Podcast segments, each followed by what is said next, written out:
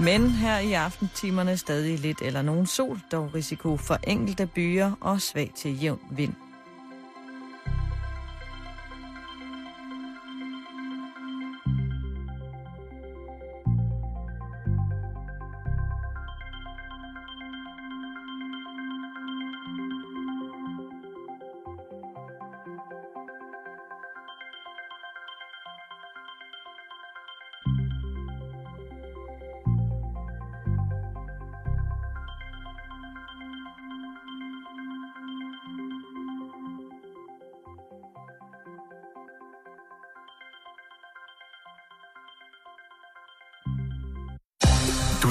Radio 24-7. Danmarks Nyheds- og Debatradio.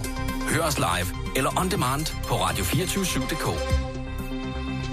Velkommen til Halløj i betalingsringen.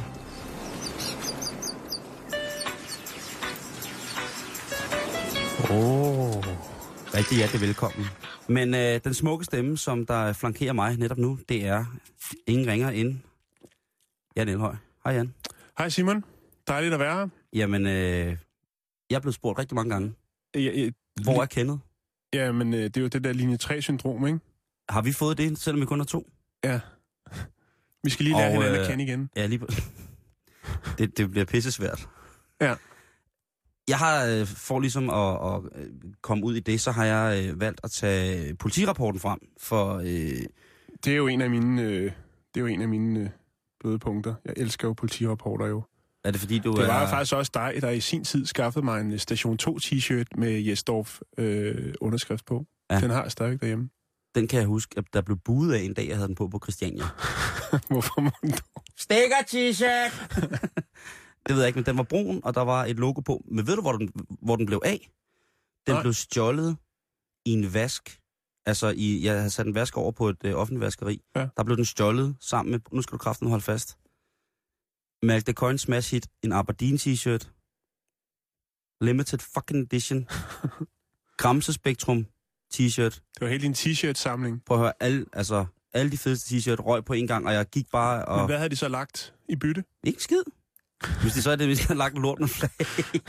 Der var ingenting. Nå, Ja. men politirapporten, Jan. Ja, for søren. Nu skal vi sgu i gang. Vi starter på bakken. Ja, Vi starter oppe øh, på, på Dyrehavsbakken, som efter sine skulle være en af verdens ældste forlystelsesparker. Mm. Og det er i den grad en forlystelse. De har de hvide svin pjerret siden op til at skræmme børn og voksne, og til at give dem dårlig samvittighed, eller på en eller anden måde får han udlevet sit delirium. Så er der ellers øh, rutsjebaner, verdens, en af verdens ældste trærutsjebaner er deroppe, Mm. og så er der beværtninger. Har du været på bakken for nylig? Ja, jeg var ude og øh, styre slagets gang til noget, et program, øh, eller et arrangement, der hed Snyd, Ja. hvor øh, det var Danmarksmesterskabet i Snyd, hvor hovedpræmien er en øh, grøn puk maxi med, med ølkasse bagpå. Snakker Øh, vi terningsspillet det, ja, lige præcis. noget? Og det var på Ølgrud. Det var et fantastisk arrangement. Var det, øh, må jeg lige spørge om noget, var det en Puk Maxi, som var sådan metallic grøn? Nej, den var øh, malet i den helt rigtige grønne farve. Okay, så det var sådan sådan en- original. Og Okay. den var gennem øh, renoveret. Men der har været øh, kalas på bakken. Har det? her Ja, og Det, det, er er, første gang, jo. det er, nej, og det er altså, øh, det er med synd og skam. Jeg må sige, at det handler om en fuld svensker. Så er han da kommet ret langt væk fra Helsingør. Ja, men man kan komme langt på, man kan På komme, kystbanen. man kan komme langt på rulleski, Jan. Ja. Det skal du ikke... Jeg har Øh, stået forkert af på kystbanen. det drejer sig om en 44-årig svensk mand, som altså vælger at spise og drikke på unavngiven beværtning på bakken. Mm. Og han spiser, og han drikker godt igennem. Han spiser faktisk øh, så lidt og drikker så meget, at han bliver ordentligt påvirket. Surprise. Og på et tidspunkt, så tænkte jeg, jeg tror, at sådan nogle, der arbejder på bakken i sommersæsonen, servitriser og tjener, jeg tror, de har en, altså, en humanistisk indstilling til livet, Mm. som er simpelthen så, jeg tror, deres tålmodighed, den er så meget voldsommere end os andres. Der kunne godt være specielle kurser for det, ikke? Jo, det tror jeg. På en eller anden måde. Men ham her, svensken, han øh, skal til at ud af klappen. Og så vil de jo gerne have en lille skejs for Ja. det, han har spist og drukket. Et lille stykke mønt. Lige præcis. Det viser sig så, at den svenske statsborger på 44 år ikke har en rød reje. Han er helt fattig. Men fuld. Til gengæld er han brændstiv. han er meget, fuld. Og øhm, det kan de jo ikke rigtig arbejde med. Det kan man, man, kan, jo ikke- man kan jo ikke betale med dårlig ånde og, og Og gennemsnit man kan tøj. ikke sætte ham til at vaske op. Nej, det vil være fuldstændig åndssvagt. Og jeg tror, de har noget dyr service derude. De får ham ligesom prøvet, og, altså de prøver ligesom at gelejte manden ud, øh, og han sætter sig til modværge, og øh, stiller sig op og pisser på gulvet. Ja. Tænk, hvis, hvis, hvis dem, der giver smileys, var dukket op, og så står der en fuld mand og pisser midt på gulvet i Altså, jeg er forbavset over, at den svensker det på bakken. Hvis det havde været til stor kendisdag inde i grøften i Tivoli, så havde jeg måske været med. Men, øh, Nå, men så der har- sker mange ting. Jo, men hvem har ikke set Tage Fransen dreje en vase under den røde hvidtærne? Man skal ikke... Det er skide hyggeligt. Nej, han bliver taget med, og øh, her får han en, øh, en kæmpe bøde, og, og det er altså... Øh, det er en bøde for bedrageri. Jeg tænkte, at det var for at forstyrre den offentlige ro og orden ved at stå. Altså, man kan ja. Godt få en bøde for at tisse på gaden i dag. Men hvordan øh, laver man strafudmåling eller bødeudmåling på at øh, gå amok i sin pjerretbuffet og så bagefter pisse på gulvet? Hvordan, hvordan er det lige, man slår den op på computeren? Vi skal videre i politirapporten her, Jan. Og, Jamen, det, øh, er, og det er en lidt mere alvorlig en af slagsen. Det er Hørsholm Lokalavis, som her skriver, at Nordsjællands... Nu, nu læser jeg op. Jeg citerer ja. Fra, fra, fra politirapporten. Nordsjællands politi advarer nu om en lægetaske, der enten er tabt eller stjålet fra en lægebil i hovedstadsområdet. hvad, hvad passer ikke sammen her? Øh, tabt. Hvordan taber man lige sin lægetaske? Har han glemt at lukke bagagerummet, eller har stillet den op på, altså den klassiske med kaffekoppen op på taget, når man skal åbne bilen, og så kører man videre, eller hvad? Hvilken læge, der kører rundt med sådan en taske med livsfarlige midler i, er i Ja. tvivl om, at hans taske er blevet stjålet, eller han har tabt den? Han har da glemt den på en massageklinik, og så er det sgu lidt svært at gå ind og hente den igen, hvis man nu har mødt naboen på vej ud fra Ja. Pussy Club eller et eller andet. Ja, så står der en vild fuld pølsemand et eller andet sted, bare helt brændt af på adrenalin. Jeg kan da lige oplyse også, øh, hvis der er nogen, der på den måde er velbevandret ud i den evidensvidenskabelige lægevidenskab, hvad det er, den her taske indeholder. Meget gerne. Ja. Der er fentanyl, det er morfinbaseret. Feta? Fentanyl, undskyld. Okay. Du var lige bange for, at det var et øh, græsk Græsk lægepræparat. Nej, øh, fetanyl er noget andet. Men fentanyl Mm. er et morfinbaseret præparat, som er dødbringende i små mængder, så det er altså ikke for sjovt det her, man skal altså passe på det. Så er der propofol, sovemedicin, dødbringende ved en halv ampul. Jeg ved ikke, om man kan huske, hvad hedder det... Øh, var det det, Michael Jackson han også fik noget af en gang imellem? Oh, det tør jeg ikke sige. black milk, I want the black milk. Øh, så er der adenosin, det er ganske enkelt bare dødbringende. Okay. Så er der recoronium, som er dødbringende ved en halv ampul. Suxamenti... Øh, suxa, suxametonium, som er dødbringende ved en halv ampul også. Så er der midazolam, det er ganske enkelt dødbringende. Øh, amlodaron, som er farligt. Der er adren- adrenalin, ja. det er dødbringende ved en halv ampul. Så er der øh, isoprenalin, som er dødbringende ved en ampul. Og så er der noradrenalin, som er dødbringende ved en halv ampul også. Og så er der lidocain, som ganske enkelt bare er dødbringende ved, øh, ved indtagelse. Det er noget lokalt bedøvende. Det lyder jo mere som en, en, en kuffert, som en, en, en øh, seriemorder vil besidde. Altså, det er jo ikke andet end... Øh, det er jo ikke andet end død, dødbringende medicin, der er i den der jo. Enten er det Rolf Sørensens gamle rejsekuffert, ellers så er det... så er det... Så er det Dørs ferietaske. er, er det lever han stadig? Du må sgu ikke sige sådan noget. Okay, der sidder en lille seddel, hvor der står Eddie Skoller på. Nej, nu skal I høre. Hvis man er øh, tilfældigvis kommet til at tage den her taske, og det, og det er jo også til lægen, der kørte ambulancen. Hvis du lige pludselig kommer i tanke om, hvor du har solgt det her, så kan du ringe til politiet på 114 og fortælle, hvor, det, hvor de ting er blevet af. Mm. Det synes jeg vil være meget fair at gøre. Og jeg er sikker på, der, ligesom at der, lige, øh, at der har været Om det ikke her... andet for at få kufferten igen.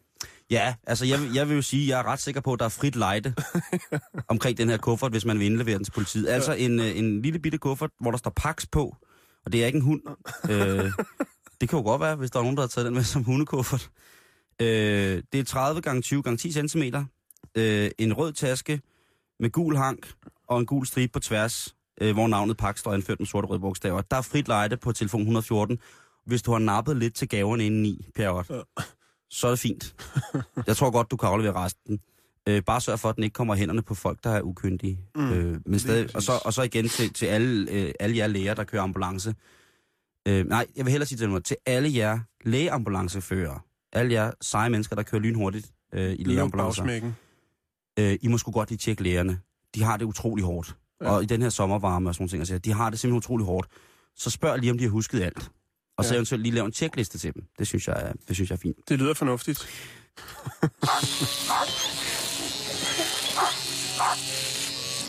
Jeg har lige barberet en labrador, en Sankt Bernhards hund og en lille Bernhardsinde. Smurt dem i en på steg og sluppet dem ind til en sulten gris. Hjemme hos dig. Den har jeg ikke hørt før, Simon. Nej, den er også halvny. Øhm, jeg har også fundet lidt på The World Wide Web. Øhm, overskriften lyder, slip fisen fri. Ja. Fisen, ikke? Altså som i prutten? Ligesom i prutten, fjerden. Kært barn har mange navne.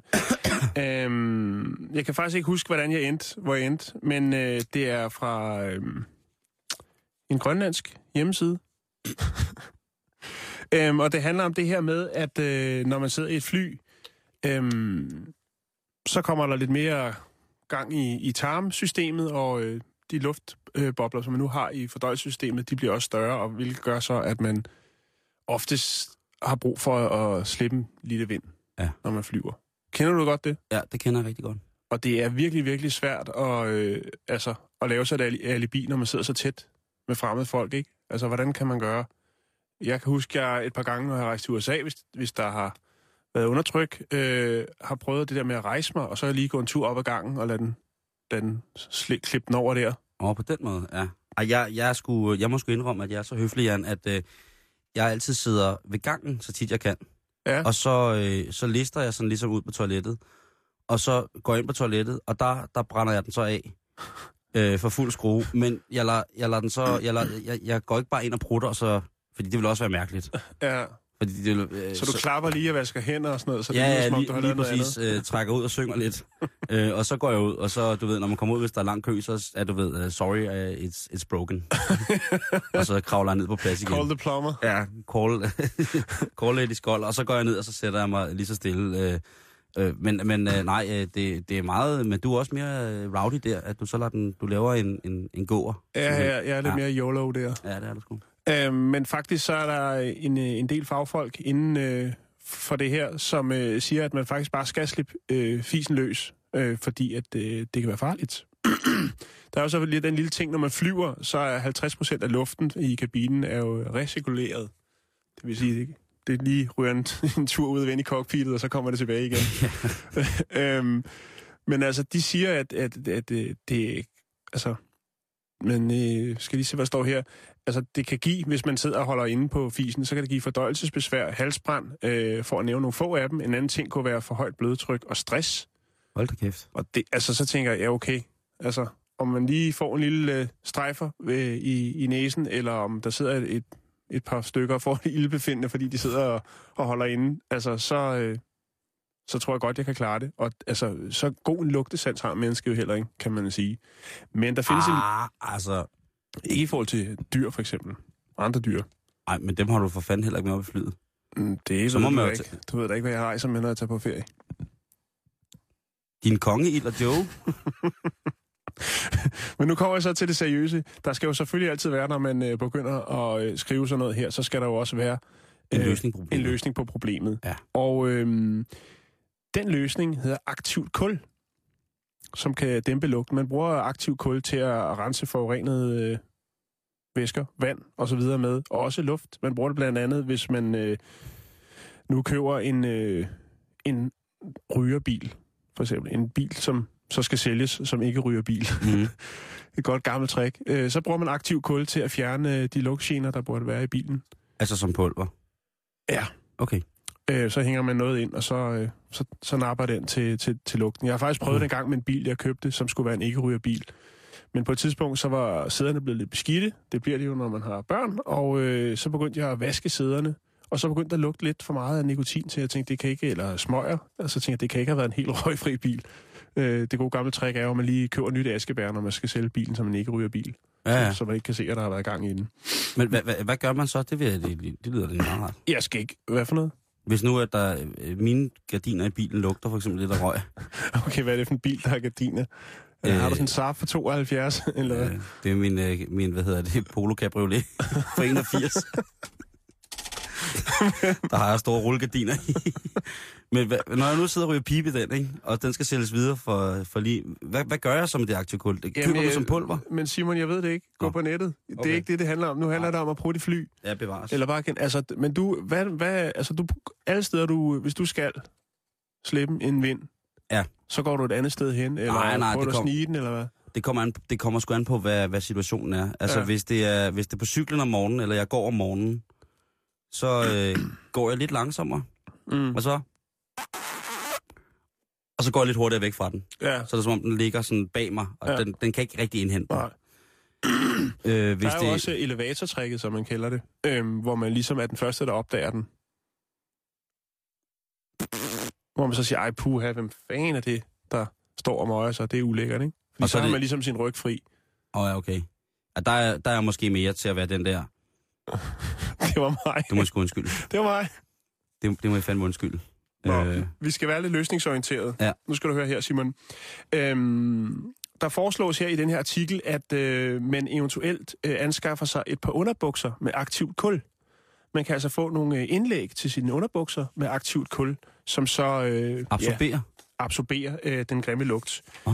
Det lyder ret vildt, og Ja, jeg det- tænkte, det, det, kan, det kan sgu ikke være rigtigt, men øh, ja, farver nye verden. Øh, jeg gik øh, på nettet, og så fandt jeg faktisk noget, der hedder Subtlebot, som er, øh, som du kan se her, jeg kan, vi kan lægge det ud på vores Facebook øh, bagefter. Det er simpelthen en øh, specielt lavet underbuks, hvor du kan, øh, hvor du kan tage øh, og lægge sådan et aktivt kulfilter ind, Det er nærmest da- det- som, en, som en blæ. Det der, det er Øhm, et brudtebind. Ja, det er et bruttebind. Ja, det er det sgu. Øhm, Det og må det, du kan du, det kan du købe. Du kan købe sådan en fempak øh, for øh, ja, lidt over 12 dollars øh, på Amazon. Så er du godt kørende øh, til flyveturen der, og så kan du selvfølgelig købe lidt tilbehør til, til bukserne. De findes i flere varianter, alt efter ligesom, hvor modbevidst du vil være. Der er en, der minder lidt om en slok i trus, og så er der sådan nogle, som bare er mere praktiske, hvor du simpelthen bare øh, kan skifte filteret bagpå. Det synes jeg er ret vildt. Altså, jeg synes jo, at det lyder fem... Hvor meget koster de? Jamen, øh, der er sådan en fempak øh, uden trus. Trusen kører du siden af. Men sådan en øh, femfilters ting der, den koster lige over 12 dollars. Øh, Hvad er det? Det er dig, der er USA-kyndig. Er den Ja, 6 det- kroner eller sådan noget? Ja, er vi ikke det omkring? Så omkring 80 Så- kroner Ja, 80 kroner. per bind? Ja. Men Okay. jeg tænker, så skal man jo ligesom vide, at, at man øh, altså, kommer hjem med, med feriemave og tænker, man kunne lige skulle købe sådan en pakke. Jeg har faktisk aldrig set det i lufthavnen, at du kan købe det. Og det var måske der, man skulle sælge det allermest. Men man skulle også sælge trussen. Man kan, jo ikke, man kan jo ikke have det der læg. Hvis man går... Jeg kan jo godt lide at gå i løse boxershorts. Ja, Øhm, det har jeg bemærket. Der kan den jo ikke ligge i. Der falder den jo bare ud gennem benet. Der Jamen, der, så, så skal du købe den der tilhørende, øh, specielt designet underbuks. Jo, men så koster underbuksen også noget. Ja, ja, selvfølgelig. Og jeg, det jeg gør, Jan, det er, at jeg stusser lidt over det, fordi aktivt kul, det er jo sådan et præparat, man kan købe forskellige steder. Mhm. Øh, det er jo ikke noget, man skal have specielt recept for, eller på den måde købe, anskaffe sig. Man kan købe det, og det kan være et, øh, det kan være et pulver. Øh, og jeg tænker, hvor meget er der i, i, i sådan noget der? Jamen, det er nærmest som sådan en musemåtte sådan et, et, et bind eller et filter, ikke, som ja. Du så putter ned. Det-. Øh, det, er jo, det er jo ret smart, kan man sige. Fordi altså aktivt kul 10 liter, og nu ved jeg ikke, om det er den type, der findes sikkert øh, forskellige øh, typer af aktivt kul, det gør der. Mm. Øh, der kan man købe 10 liter for 275 kroner. Og så tænker jeg, om det ikke er nemmere at bare øh, gå på nettet og købe øh, 10 liter, og så bare smøre sin underhakker ind i, øh, i aktivt Eller kul. putte det i baglommerne. Jeg kan vide det? Mm. Eller øh, lave en... Ja, jeg ved sgu ikke, om man bare kunne tage måske øh, øh, og købe en pakke øh, trusindlæg, og så rulle. Det kan godt være, der kommer... Det kan man også godt. Men Så kan altså, det jo være, der kommer lidt sortstøv ud af bukserne, når man går. og prutter. Men, men til gengæld, så har man en, en fuldstændig lugt fri transport, for eksempel i fly. Det er rigtigt. Det, der, der er du inde på noget af det rigtige. Man kender det jo også. Der er jo nogen, der, øh, der er jo nogle, sådan nogle farlige, smarte mennesker, som har øh, fundet på at kø- lave sådan en glaskaraffel, hvor man så stikker sådan en stor kulstav ned i, er fordi rigtigt, så ja. skulle det ligesom defiltrere, Mm. øh, eller filtrere vandet. Mm. Øh, aktivt kul, hvis man er en, en hyppig hjemmebrænder, som jeg lige skal gøre opmærksom på, er dybt ulovligt i Danmark og rigtig, rigtig farligt, hvis man ikke har styr på det. Så når man destillerer spritten, altså når, man, øh, når misken ligesom har nået en temperatur, hvor man skal have det igennem nogle kolonnerør og sådan nogle ting, og så spritten skal fordampe af, så for at grænse spritten, så kan man også køre det igennem, øh, eller så kører man det også som regel igennem øh, et, kulfilter. Men nu altså mm. så også som underbuks til trus. Og i 60'erne brugte man faktisk øh, aktiv kul til at fjerne det der denatureringsmiddel, der var i. Det er natureringsmidlet. Det er natureringsmiddel, ja, undskyld. Øhm, for kogespritten, og det, da folk ligesom, da folk ligesom er afkodet den, øh, det trick der, at man kunne bruge aktiv kul til det, så, øh, så steg salget af finsprit og, øh, og kogesprit voldsomt, så, så de var nødt til at finde på noget nyt øh, på de danske sukkerfabrikker for at, ligesom at stoppe folk i at begynde at lave, lave hobbybryggerier. Men man, man kender det jo for man, man kender det jo for, for så mange ting, det der med, at, øh, at kul er, er rigtig godt for, for alt muligt mærkeligt. Man kan jo også få det faktisk som, en, øh, som et kosttilskud, hvis man for eksempel har øh, problemer med, med maven. Så måske skulle man i virkeligheden, hvis man har en tendens til at flatulere, når man flyver, eller når man kommer i kommer steder, hvor trykket ligesom bliver justeret mm. kunstigt, så skulle man måske starte med at spise det. Man kan få, øh, har jeg set flere Snickers steder... på med kul i stedet for peanuts. Ja, det er måske lige groft nok. Og man kan altså ikke bare sætte sig ind og, og købe noget, noget, noget, eller det vil man godt kunne, og noget trækul og bare sutte på det. Det, det går ikke. Nej, det går sådan. Skal vi blive lidt ved den øh, urene luft? Ja. Øhm, så kigger jeg selvfølgelig på nettet for lige at... Altså, der dukker jo alle mulige ting op, når man begynder at, at, øh, søge på det her med... Øh, jeg skulle selvfølgelig lige finde ud af, hvem det var, der havde lavet den der undersøgelse osv., om, om der var noget i den, og den er god nok. Men så dukker der noget op omkring staten Florida i USA, Selvfølgelig. som har øh, nogle rigtig øh, mærkelige øh, regler og nogle mærkelige tilfælde, der handler om prutter. Øh, blandt andet så er i, øh, står det, at det er forbudt at prutte på offentlige steder i staten Florida efter kl. 18. Hvorfor efter klokken 18? Hvorfor er det Jamen, tilladt før? Ja, Det var måske, fordi så blev det lidt for stramt. Ja, ja måske. Øh, Så er der faktisk også en, øh, en, øh, en meksikansk herre, der hedder José Cruz, som er 34 på det givende tidspunkt, som bliver anholdt for at prutte på en politibetjent. Han øh, øh, bliver antastet af politiet på gaden, Han prutter på en betjent. Øh, ja, og så går han ned i knæ og løfter det ene ben og slipper en, øh, en, en vind øhm, mod betjenten. Og øh, det bliver han så anholdt for øh, i et rutinetjek. Øhm, Prøv lige, hvordan, prøv lige, prøv lige at fortælle, hvordan gør han? han, han går ned i knæ, løfter hans ben, øh, jeg, lige prøv, jeg gør det nu her, Jan. og så slipper han øh, et gas, som der står øh, højt lyt, øh, og så vifter han med, med den ene hånd foran hans bag. Det er det, der står i Altså, politirapporten. gå ned i knæ. Er det, er det så sådan her? Ja, jeg tror sådan halvt ned i knæ, ikke? Og jeg så, og så jeg laver du den, som ligesom når hundene tisser. Lige letter det ene ben, og så trykker du den af, og så vifter du den. Ja, og det gør han på en betjent, og det bliver han anholdt for. Og der er faktisk, det ved jeg ikke, om du kan se, der er et mugshot af ham her. Åh, han ligner sgu da en hyggelig fætter. Han ser, han ser lidt ond ud, ikke? Øh, og så tænker jeg, der er, altså, hvis, øh, hvis en stat laver en regel om, at du ikke må prøve i offen, eller på offentlig sted efter kl. 18, og der er en, der er blevet anholdt for det, Ja. så kan det sgu godt blive værre endnu, når man øh, går ned i, i dybden. Jeg fandt en øh, artikel fra, øh, skal vi se, hvad det var for en avis. Det kan jeg ikke lige se her på mit print, men øh, det er Florida, det er en 13-årig dreng, der er blevet anholdt for at prutte i klassen. Det er simpelthen øh, øh, klassens lille bandit, som øh, havde irriteret de andre klasse, øh, ele- elever i klassen med at slukke for deres øh, computer og rende rundt og prutte øh, ja, ind i klasselokalet. Og han, øh, han bliver så anholdt af, politiet. Der bliver tilkaldt politi. Øhm, en 12-årig amerikansk skoleelev bliver anholdt, anholdt for at prutte i øh, Det går nok vildt at blive, blive anholdt. Det er sgu alt, altså... den 51 cm høje gerningsmand øh, blev anklaget for at stanse computer hos klassekammeraterne øh, på Florida og prutte øh, på Florida Stewarts Spectrum High School. Øhm, står der noget med, at politiet sagde, at drengen... Øh, hvad står der? Ja, der selvfølgelig ikke bliver rejst tiltale øh, på grund af hans unge alder. Men han indrømmer forbrydelsen og er blevet løsladt øh, til hans mors varetægt. Oha. Det, det er voldsomt, ikke? Det er ret vildt. Øh, og jeg tænkte, ja, det kunne godt være en, der havde siddet, men det, det, det var altså, den var op at køre på flere forskellige amerikanske øh, nyhedssider. Øh, så, så der er altså noget med Bruder og Florida, nu når vi er der.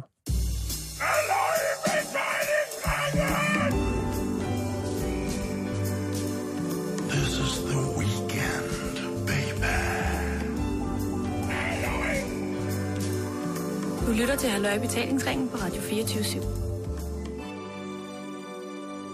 10 ting, du ikke vidste, du kunne grille. Du var ude og, du snakkede om, at du skulle grille i går. Ja. Skete det? Det, det, det jeg, jeg kunne ikke nå det, så det, det røg jeg på panden. Det var bare rejer. Nu skal du høre En her. stor reje. Nu skal, nu skal du høre her. Ja. Du vidste ikke, Jan, Nej. at man kunne grille vandmelon. Nej, det vidste jeg ikke, men jeg kunne heller ikke se, hvorfor man skulle grille en vandmelon. Det er fordi, at ifølge det her dejlige blad samvirke, så hvis man skærer det ud i skiver på et par centimeters tykkelse og giver det en lille smule livnende salt og peber og smider det på grillen omkring 5 minutter, så begynder vandmelonen at smage, altså vandmelonens sødsmag begynder at forsvinde, og den me, næsten kødagtige smag træder frem. Jeg har engang fået noget varm vandmelon. Det smagte simpelthen så dårligt, så det vil jeg aldrig spise igen. Nej, det, jeg kender godt det der trick med, at man siger, ej, nu skal vi på stranden og hygge. Vi skal lige have en, en vandmelon med, og så glemmer man den lidt ned i tasken, og så når man skal spise den, så... Jeg kender mere de der eksperimentalkokke, som står derhjemme øh, på altanen og tænder op med diesel og tænker, vi kan grille alt. Er det Nikolaj Kirk, du tænker på? Øh, det kunne sagtens være. Øh, derudover så øh, anviser, øh, hvad hedder det, samvirke til dig, Jan. 10, mm. En af de ting, du ikke vidste, man kunne grille. Salater. Romainsalat kan du grille. Okay. Bare kort, skriver de. Bare kort, lige ned og svitse? Ja. Okay. Men man, så kan man, altså... Altså, Det kunne lige så godt hedde 10 ting, jeg ikke gider at grille. det, er for, det, nu har du ikke hørt resten, Nej, nej, men det kan godt være, du overrasker have mig til sidst. Altså, for, altså varm salat kan jo godt bruges til noget. Romainsalat for eksempel i ærter française, ærter, bacon, en lille smule smør, lidt hvidvin, bum bum. Lidt skalotløg. Så kører vi ikke til en stor bøf og noget bærnæs. Det er skide godt. Så får I lige en opskrift der. så kommer den her, avocado. Der må jeg sætte spørgsmålstegn. Ja, Det vil Det- jeg sgu det- aldrig komme på grillen. det virker lidt mærkeligt på en eller anden De måde. henviser til, at hvis man lægger avocado på grillen, så får man den lækker røde smag. Jeg kan ikke lide varm avocado. Nej, det tiltaler jeg sgu egentlig. Lun avocado? Nej. Nej, Nej, det skal koldt. Okay. Så øh, nu, nu har de vist været lidt i beknep i sam, på samvirke, fordi nu begynder de at sige, at grove urter som rosmarin og timian godt kan tåle en tur på grillen. Det bruger man da alligevel, gør man ikke? Jo, det er jo almen. Ost. Grillet ost. Ja. Grillet ost. Halloumi. Den, øh, den, den, den øh, fra det, det Mellemøstens inspirerede ost, øh, sådan meget fast skæretype ost, man kan grille, Mm. man kan også komme på panden. Det smager faktisk rigtig godt. Ja, men gorgonzola? Det går sgu ikke, du. Nej, Så skal du til at rense grillkål, hvis du skal bruge det igen næste dag. det er jo det. Så kommer den her grillede oliven. Ja, måske. Der står, tag stenen ud, sæt den på et spyd og grill dem, indtil de tørret ud. Nej. Nej, så vil jeg hellere have soltørret oliven. Ja, Ikke? ærligt talt. Det, det vil jeg mene. Øhm, bønner. Hvad er vi oppe på? Ja, vi er jo oppe på en syv. Okay. Øh, nej, 8. Den 9. bønner. Du kan grille bønner, vidste du det? Det vidste du ikke, man kunne grille. Jo, man kan vel lave tricket med, at- ligesom at spars med at rulle noget bacon rundt om. Det var også det, jeg ligesom tænkte. Mm. Nu begynder det at blive mærkeligt, ikke? Det vidste man nemlig godt, man kunne grille. Ja. Øh, gulerødder. Men Det- altså, du er også næsten færdig med listen, så jeg- altså, det kan være, at den, der har forfattet den, ikke kunne finde på mere. Og har været fuld. Øh, gulerødder. Gulerødder? Vidste du, man kunne grille det?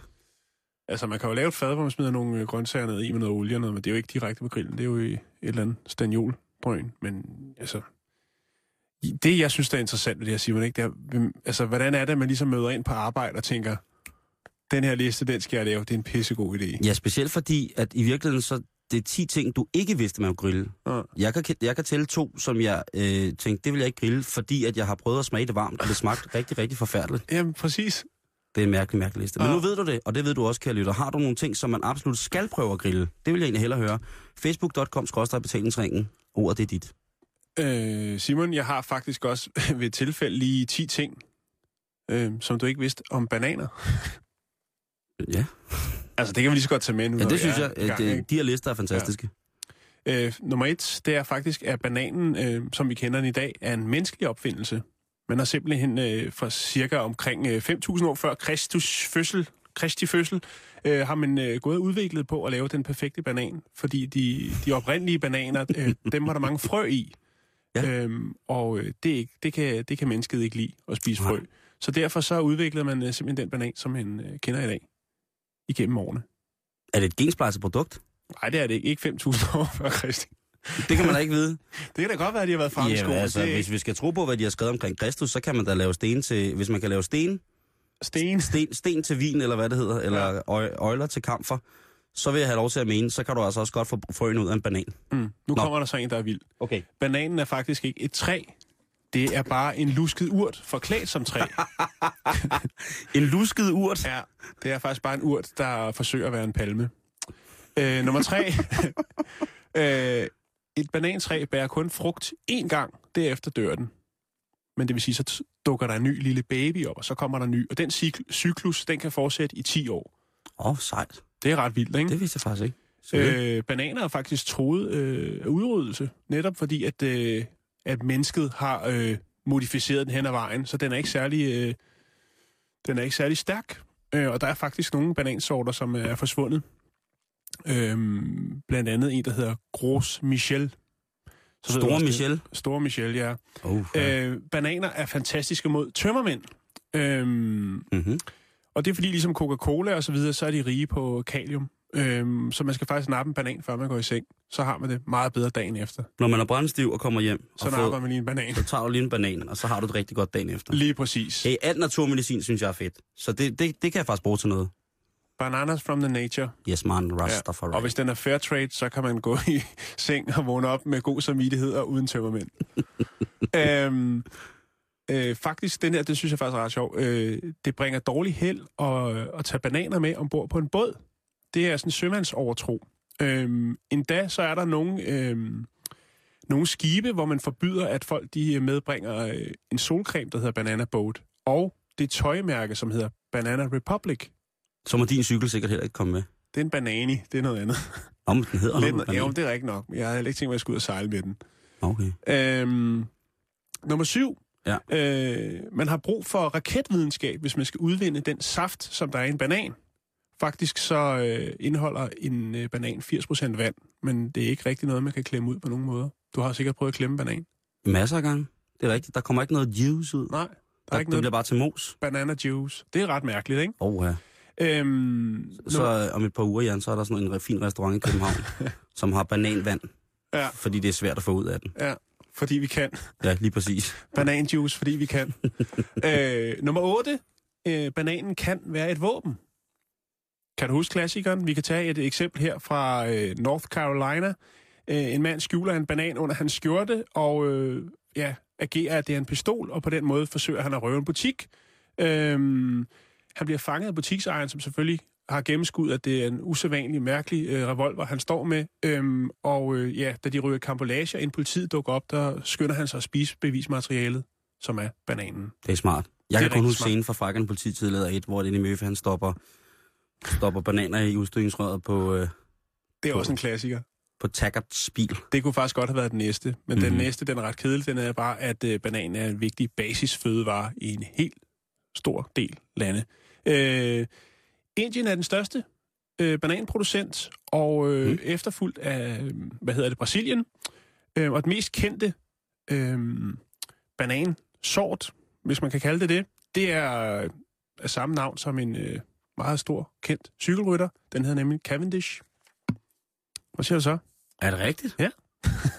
det kan jeg jo lige spørge. Vi skal jo, vi skal jo faktisk snakke med en cykel, øh, cykelkondisseur øh, sidst på ugen. Mm. Så kan vi jo lige tage den med at spørge, om det var noget, han vidste noget om. Det tror jeg ikke, at han ved noget som helst om. Men tak for den info. Så nu Ja. ved jeg noget om bananer. Det er faktisk ret vildt. Ja. At det er en lusket urt. Ja. Det synes jeg er fint. Men nu skal vi til noget andet, som har noget med mad at gøre. Mm-hmm. Og øh, det er fordi, at øh, vi i studiet har fået besøg af en mand, som har en øh, smørbrødsbutik her i København. Smørbrød, hvem kan ikke lide smørbrød? Centrum Smørbrød Centrum på Smørbrød Vesterbrogade. i København, Ja. lige over for hovedbanegården. Lige præcis. Man kan ikke undgå at se den, hvis man øh, stiller sig ud under det røde, de røde øh, Digitaltal. på hovedbanegården, så kigger man faktisk nærmest lige over på Centrum Smørbrød. Og på vinduet, der prydes med masser af lækkert smørbrød. Øh, y Hualin. Ja. Velkommen til. Tak skal du have. Tak fordi du vil komme. Ja, det er tak. vi meget glade Og for. hvis du vil høre med, kan du tage hovedtelefoner på, hvis de ligger derovre et eller andet sted. Ja, Yes. måske. Øhm, og øh, først skal jeg, bliver jeg jo nødt til lige at spørge dig. Det er jo øh, sjældent, at vi er flere asiater herinde i, øh, i studiet end, end kaukaser. Øh, hvordan siger man dit navn helt rigtigt? I Hualin. Yhuaning. I Hualin. Ja, lige præcis. Yhuaning. Det, Yhualin. hvorfra i verden er det? Jeg kommer fra Kina. Du kommer fra Kina, så du er øh, 100% kineser. Ja. Okay. Hvad hedder det? Ni hao. Ni hao. det har jeg lært at sige. Øh, hvad hedder det? Og så skal jeg også lige spørge. Øh, hvornår, hvornår, hvornår kom du til Danmark? Jeg kom til Danmark i 1977. 77. Skal jeg, skal jeg fortælle dig en hemmelighed? Ja, gerne. Jeg kom til Danmark i 1977. Okay. Hvis jeg må spørge, hvor er du så egentlig kommet fra, Simon? Jeg, øh, jeg kom fra, kommer fra Korea. Ja. og blev adopteret øh, i 1977 øh, til min mor og far. Min Ja. far er norsk, og min mor er dansk. Og Ja. min søster, hun er skør. Nå. Men jeg elsker hende. øhm, så fik vi det på plads. Jeg kunne egentlig godt tænke mig at høre, Lin, øh, hvordan, øh, hvordan, hvordan ender man som, øh, som kineser i Danmark med at have en smørbrødsbutik? Det var faktisk et meget sjovt øh, spørgsmål, men det går altså helt tilbage i 1978, hvor jeg så starter og går i dansk skole, Mm. som almindelig folkeskole. Og dengang der får vi jo serveret af de der madpakker med sådan smørbrød hver, hver Ja. dag. I på steg og så videre, så videre. Ja, der bruger leverpostej og hvad de, ostermad og, og pålægmad og os. Og jeg synes, det er i begyndelsen, jeg selvfølgelig, at jeg net, ligesom mange andre, måske niske børn, er nok svært kunne, kunne ligesom spise det brød. Ja. Men efterhånden, så vi vender med sig til det, og synes faktisk, at, øh, at råbrødmaden smager rigtig godt. Og og det fortsætter jeg, og den dag til i dag. Så jeg spiser stadigvæk smørbrød, når jeg er ude i byen Mm. i dag. Det er også, altså, nu er det jo inviteret ind, fordi både Jan og jeg, tør jeg godt sige, har en stor forkærlighed for netop smørbrød. Og specielt godt smørbrød. Og øh, vi har jo, jeg har jo gået forbi din butik masser af gange og set ind, og det ser jo virkelig, virkelig indbydende ud. Tak skal du have. Virkelig dejligt smørbrød. Og det, der så er specielt ved din smørbrødsbutik, Len, det er jo, at øh, den har længe åbent. Ja, det er. Det er det til jo, kl. 23 nu. Det har været til kl. 12, ikke? Eller hvordan var det, det var? altså, den har faktisk været 24 timer åbne Okay. i, sin, altså i gamle dage. Ja. Var så der, der er mange, ikke lukket. var der mange butikker, som havde åbent, øh, smørbrødsbutikker, som havde åbent 24 timer i døgnet? Altså ikke i dag. Nej, Er ikke i dag, nok slet ikke men, noget, men, men- men dengang. Dengang der er nogle stykker, måske, altså jeg hørte, at, øh, at der har altså, tidligere ejer, han hedder Start, altså grundet de der øh, butik, og han har sådan sige haft måske 6-7 eller hvor mange stykker øh, af det smørbrødbutikker rundt omkring i København. Og blandt andet i, på hvad hedder det, Nørrebro Runddel. Mm. Og jeg mener, at de andre nævnte også, at den Frederiksberg smørbrødbutik, som også er... På Gamle altså, Kongevej? Ja, på Gamle Kongevej. Også er hans ejer dengang. Okay. Og han har sådan sige, har altid åbnet i 24 timer i, i deres butik rundt omkring, og aldrig lukket.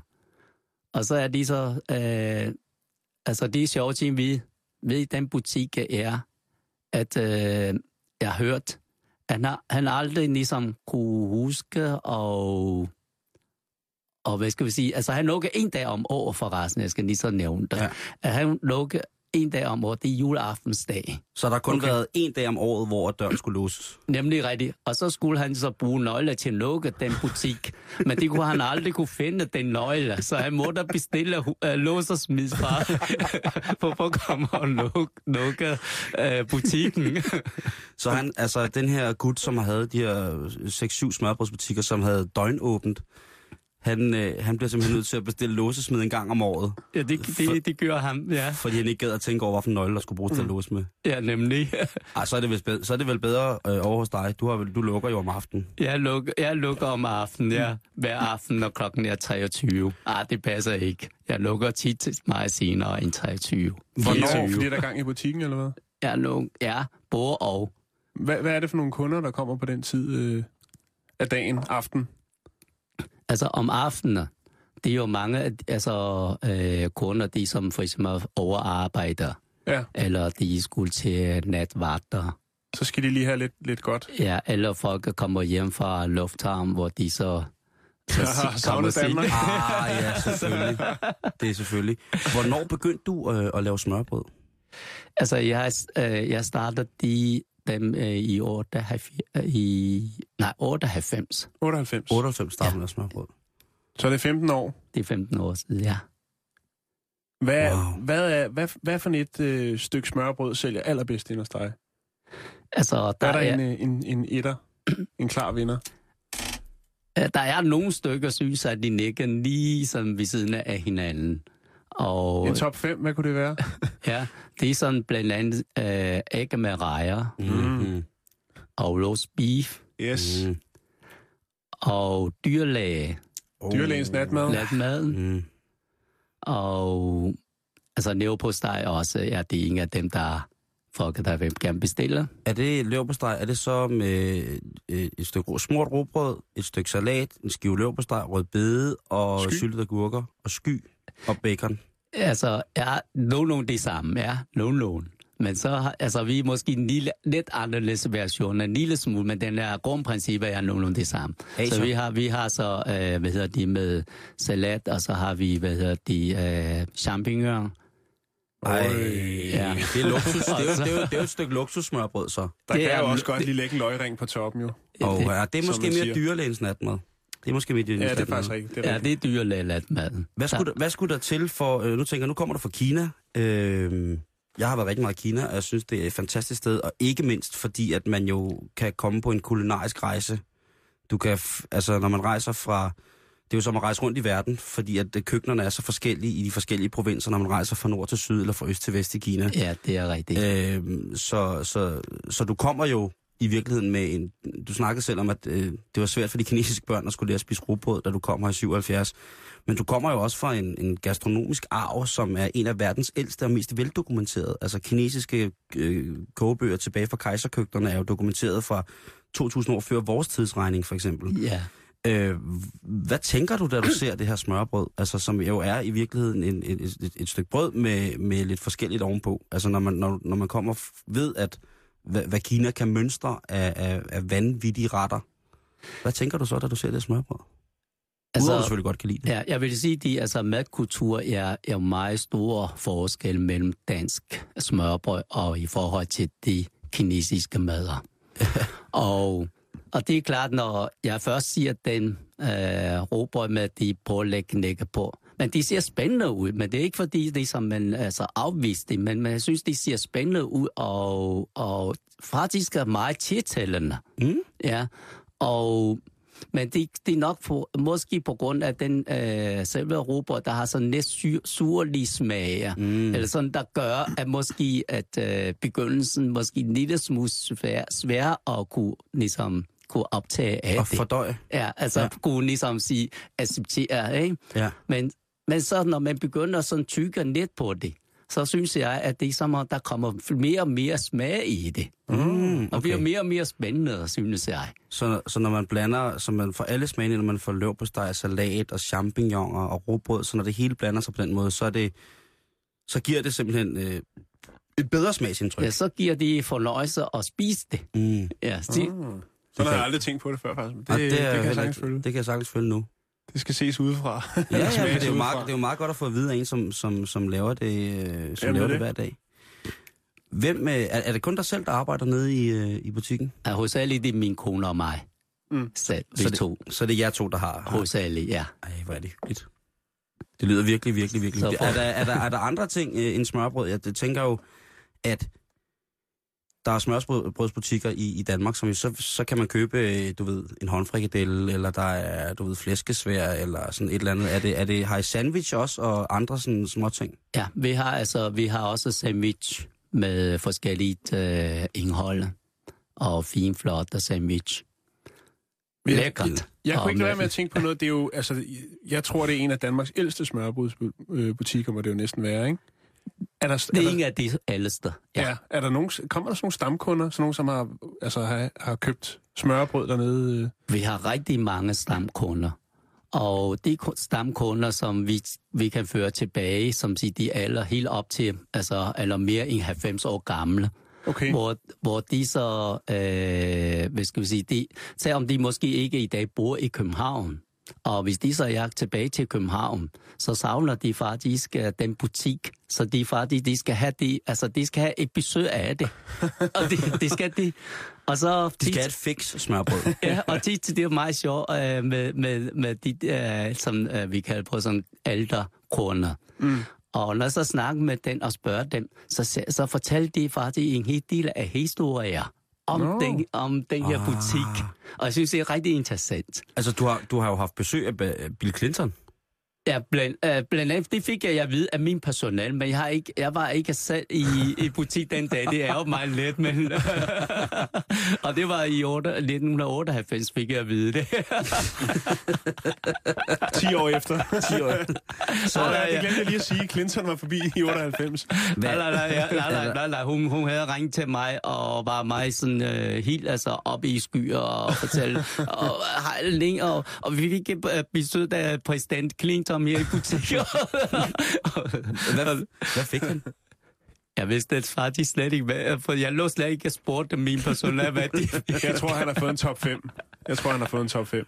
Hvis, det kan sgu godt være. Ja, ikke? Jo, det har det været. Øh, hvis du selv skal, skal sige, hvad er dit eget yndlingsstykke smørbrød? Har du et, et stykke smørbrød, som du tænker, det, det kan du altid godt lide? Det er sådan et yndlingsstykke smørbrød. Altså, jeg, kan, altså, jeg tror, jeg, jeg er ikke mere anderledes end de andre, tror jeg. Og jeg synes også, at roast beef synes, at de smager rigtig godt. Mm. Og æg med rejer synes, at de smager rigtig godt. Og fiskefiléer mm. synes, Ja, at de det er også smager rigtig godt. Ja. Fiske, fiske, fiskefilin er, og, og, vores tekniker Abbi, han er også med på fiskefilin. Jamen altså, for mig, der er, altså, en nystegt fiskefilet med remoulade Ja. og citron på, på et stykke smørbrød, det, det bliver ikke bedre. Nej, det ja. bliver ikke bedre. Jeg er det, så det, enig. Det er simpelthen så lækkert. Ja, der er også den der selvfølgelig fiskefileten med mayo, øh, mayonnaise og rejer. Det er ikke så godt. Og stjerneskud, ah, det er ikke så godt. Jeg synes, en nystegt fiskefilet med remoulade, du, det er, det er det bedste. Er du nogensinde blevet bedt om at lave et stykke smørbrød, hvor du tænkte, det, var, det er for mærkeligt? Øh, altså, jo, det, det er typisk sådan, at øh, vi har sådan turisterne. og turisterne, når de så kommer ind, og så siger, så siger de, ja, altså, øh, jeg, vil gerne, jeg vil gerne købe nogle smørbrød, så jeg har hørt, at de skulle være smørbrød. Hvordan siger de ud? Jeg siger, de siger sådan ud, ikke? Og så når jeg så, efter jeg har solgt den, så siger de, kan vi, kan vi ikke få nogle, øh, hvad hedder de, en låg på det? Få låg på maderne? Er det ligesom sandwich? Jeg som sagde, vi kan ikke få låg Nå, på. fordi, øh, ja, fordi de, de, de tror, at der mangler et stykke brød. Det er ja. præcis, hvor de mangler stykker nå. du, er, du er aldrig blevet bedt om sådan at, og, og, hvad hedder det, at et stykke smørbrød, sådan, hvor, de, hvor det, det er for mærkeligt. Altså, hvor de har bedt om at få, få løb på steg og Nutella og cocktailpølser oven på et stykke brød, eller sådan noget. De har, der er aldrig nogen, der kommer ind og spurgt, Jo, der er, der er faktisk nogen, øh, der skulle have forskellige måder at bygge op på. Mm. Og de har altså nogle, af de, nogle, de vil gerne have, at de skal være sådan, sådan, sådan, ikke? okay, Og det, det laver Altså vi det, også hedder irriterende efter. kunder. det, altså, vi må jo have det hele med. jo, jo, det er det. har, har smørbrød, har det udviklet sig, siden at du startede med at lave smørbrød? Fordi i min, min, gennem mine øjne, der ligner smørbrød jo sig selv sådan fra helt tilbage fra dengang jeg hentede smørbrød fra min mormor og morfar for mange år siden, til det, det, det ser ud i dag. Øh, har, har smørbrødet ændret sig? Har der, er der kommet nogle trends, eller er vi bare ved det gode gamle hele tiden? Altså, jeg vil sige, det i den min butik, der vil jeg gerne opbevare det Ja, som den det klassiske. altid, altid som har været. Og Ja. det vil jeg gerne fortsætte at holde den fast ved. For jeg har mange af de øh, kunder, som faktisk også, som vi nævnte, også sådan som turister. Mm. Og turister, efter de 10 år, og så vender de tilbage igen. Jeg har, mm. jeg har lige før jeg kom hertil, der har jeg lige haft øh, et par svensker og på besøg. Der fortalte de mig, at det var for 10 år siden, det var kommet ind i min butik, og købte de en hel masse af smørbrød, og syntes, det var så lækkert, og det var så gode. og den, nu er de igen i København, og de skulle de have, og de Og fik, et, det de fik, de fik et tøjstykke her lige før. Så, så er der også noget at skylle ned med, hvis de er svenskere. De, husk, de, husk, de betaler regningen, ikke? og det betaler gerne. Det var fordi, vi havde en forfærdelig historie i går i radioen her om, at der var en svensker, der ikke havde betalt sin regning på bakken. Nå. Så, men det er godt. Det, det Ja. er... Må holde mit kort snor. Ja, du må. øhm, hvor lang tid blev du ved med at lave smørbrød? Altså, indtil videre synes jeg, at det er rigtig spændende at, at fortsætte med det, og jeg regner med, at det bliver mange år frem. Lind, Ja, tusind tak, fordi at du vil besøge vores radioprogram og Ja. fortælle om, øh, om smørbrød. så tak. Det var... Øh, Tak fordi du inviterer mig med ja, til vel, programmet. Lind, du er altid velkommen i vores program. Mange Og det er din kone også, og dine børn. I er altid velkommen i vores Og radioprogram. de smørbrød. Mange, mange Ja. tak skal du have. Og de Så smørbrød. bringer jeg nogle smørbrød med næste gang. Men så må du komme hele tiden. Så skal vi have en top 5 med dem. Det, det, uh, tusind, tusind, tusind tak, fordi du gad at komme. Ja. Uh, tja, tja. Se, se, se, se. Åh, Jan, man blev nærmest helt sulten. Ja, det, altså, da jeg begyndte at snakke om fiskefilet, så var jeg sgu, øh, så var jeg klar Det var jo hverdag. Altså også, altså, til lige at spille et stykke musik og løbe ned til ind. der er ikke noget bedre end smørbrød, altså. Jamen, Man kan rigtigt. komme med, med det helt store øh, gastronomiske øh, kanonstillingskøretøj, og stadigvæk så Mm. virker, hvad hedder det, øh, smørbrød altså øh, fantastisk. Det er jo faktisk også en af de eneste sådan, øh, ting for det danske køkken, som er kendt ud over landets grænser. Det er jo smørbrød. Jo. Det kan man jo høre, det er også. Det må man sige. At der står, øh, der står en kineser og laver i den ældste smørbrødsbutik, der har længst åben, og folk kommer igen og igen. Jeg synes, det, jeg synes, det er i orden. Det er så meget i orden. Hvad er vi ellers på tapetet, Simon? Hvis nu jeg siger Victor Cornelius til dig, Jan. Ja, så bringer jeg det minder om øh, mange timer spenderet i øh, en kælder på jagt efter mærkelig musik. Jeg skal nemlig fortælle dig om en mand, der hedder Victor Lars Cornelius. Det, det er det, der bringer os frem til dagens stykke musik. Mm. Victor Cornelius, han var øh, hyggepianist, eller pikkehyggenist, som man også siger nogle gange, og slakkerkomponist og refrengsanger. Øh, og han, havde, han var meget kendt, fordi han havde en sådan meget, meget flødeagtig tenorstemme. Som ung, der rejser han til USA med henblik på at få en teknisk uddannelse, altså blive bedre til at spille klaver. Og øh, han skaffede sig allerede som 16-årig et job, hvor han spillede øh, som biografpianist til stumfilm. Det var dengang, hvor der ikke var lyd på filmen. Så sad der en lille pianist, der spillede musik der. øhm, og det gør han altså i New York. Rimelig, rimelig driftig ung herre, ikke? I Det er 1900 til at siges. I 1921 så vender han hjem, øh, hvad hedder det, og i 1924 så bliver han professionel musiker, øh, hvor han blandt andet spiller i Adion øh, som solist, øh, og, og i en duo, først med Jakob Schmidt og så siden med Paul Andersen. Han indspiller i 1924 sammen med Carl Evans nummeret I Miss My Swiss, som i dag bliver betragtet som en af de første indspillede øh, danske jazznumre. Det er Okay. jo ret interessant. Altså i, Det er 1900, ret vildt. i 1924, ikke? Ja. Øhm, Så han er en pioner. lige præcis. Og, En øhm, jazzpioner. og, og faktisk det første job, øh, grunden til, at han bliver det her øh, pianist øh, og, og jazz og sådan nogle ting, og så jeg kommer ind de rigtige steder, det er fordi, at han øh, som det første job, efter han vender tilbage fra New York, han har jo sikkert været en interessant herre, som sådan har været over Atlanten og spille i det Mhm. store New York. Det kender man godt. Øh, folk, der lige har været en tur derovre på ferie, så har de fået accent og alt muligt, når de kommer hjem. Ja, sådan 10 dage, ikke? Så snakker, så snakker de som Chris McDonald. Hvad hedder det? Nej, han får et job på øh, Bonbonieren, øh, hvad hedder det? Hilmar Clausens Bonbonier, altså en, øh, et arrangement, en entertainment venue med alle mulige mærkelige hippe ting dengang. Mm. Og så derefter så ruller lavinen altså med, med hvad hedder det, Victor Cornelius. Han får, det vælter ind med jobs. Han øh, bliver øh, ansat som pianist i øh, Palmehaven øh, på Hotel d'Angleterre, det gamle Hotel d'Angleterre. Han med, medvirker også nogle film, ikke? Jo, jo, han har været skuespiller og alt muligt mærkeligt, og spillet gerne pianist øh, med et stykke, øh, stykke smørbrød og en fadøl på, hvad hedder det, på pianoet, ikke? Øh, og så ellers så spillede han altså bare til, til sådan private fester i det helt klart bedre borgerskab, som også var en velbetalt chance på det tidspunkt. Altså i stedet for at have en pladespiller, eller man så ikke lige iPod'en til jo, så kom der lige en, en pikkehyggenist og sad og klimpede lidt der, og så var det altså Victor Cornelius, når ham fra Bonbonien, nå det er godt nok fornemt Ja. så skal vi have højt belagt, ikke? Og det var også her, øh, efter han havde ligesom rejst rundt, og folk, øh, bekendtskabet til ham, det ligesom bredte sig, at han bliver ansat øh, i Danmarks Radio. Og det, når man bliver ansat i den danske statsradiofoni, Jan, det ved både du og jeg jo, så, øh, så bliver alting godt igen. I hvert fald lige for en periode, ikke? Jo. Og øh, det, der bliver han det, der hedder refrengsanger. Han har indspillet over 1000 plader.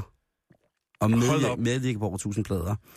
Og altså blandt andet sange som København, København, øh, nu skal vi ud og slå til Søren, mor den bedste i verden, tak for gode som, øh, eller tak for gode som for onde år, og du skal ikke give mig roser. Altså, der står Victor Lars Cornelius bag rigtig, rigtig meget af det her, ikke?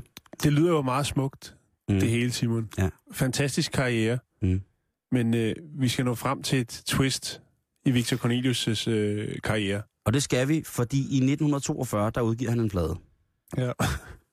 Og på den plade, der er der et nummer, som hedder Jeg er nære i min fritid. ja. I hørte rigtigt, kære lyttere. Ja. Det er, I jeg 2013. er nære i min fritid. Ja.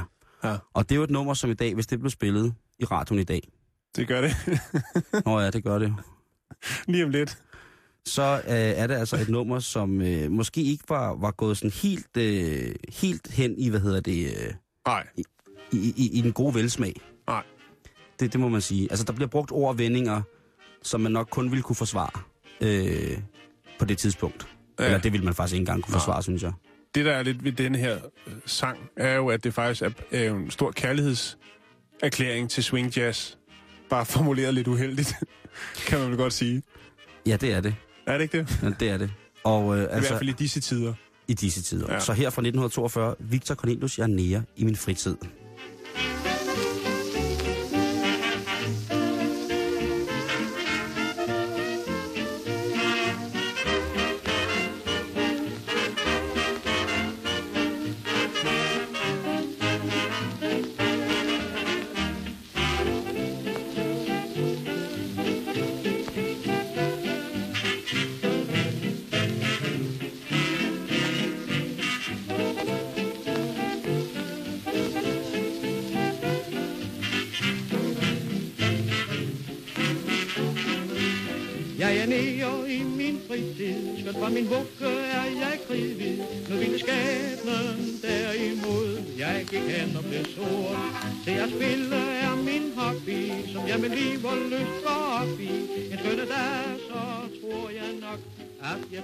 Tak fordi I lyttede med. Vi høres ved øh, igen i morgen. Her er nyhederne. Du lytter til Radio 24 /7. Om lidt er der nyheder.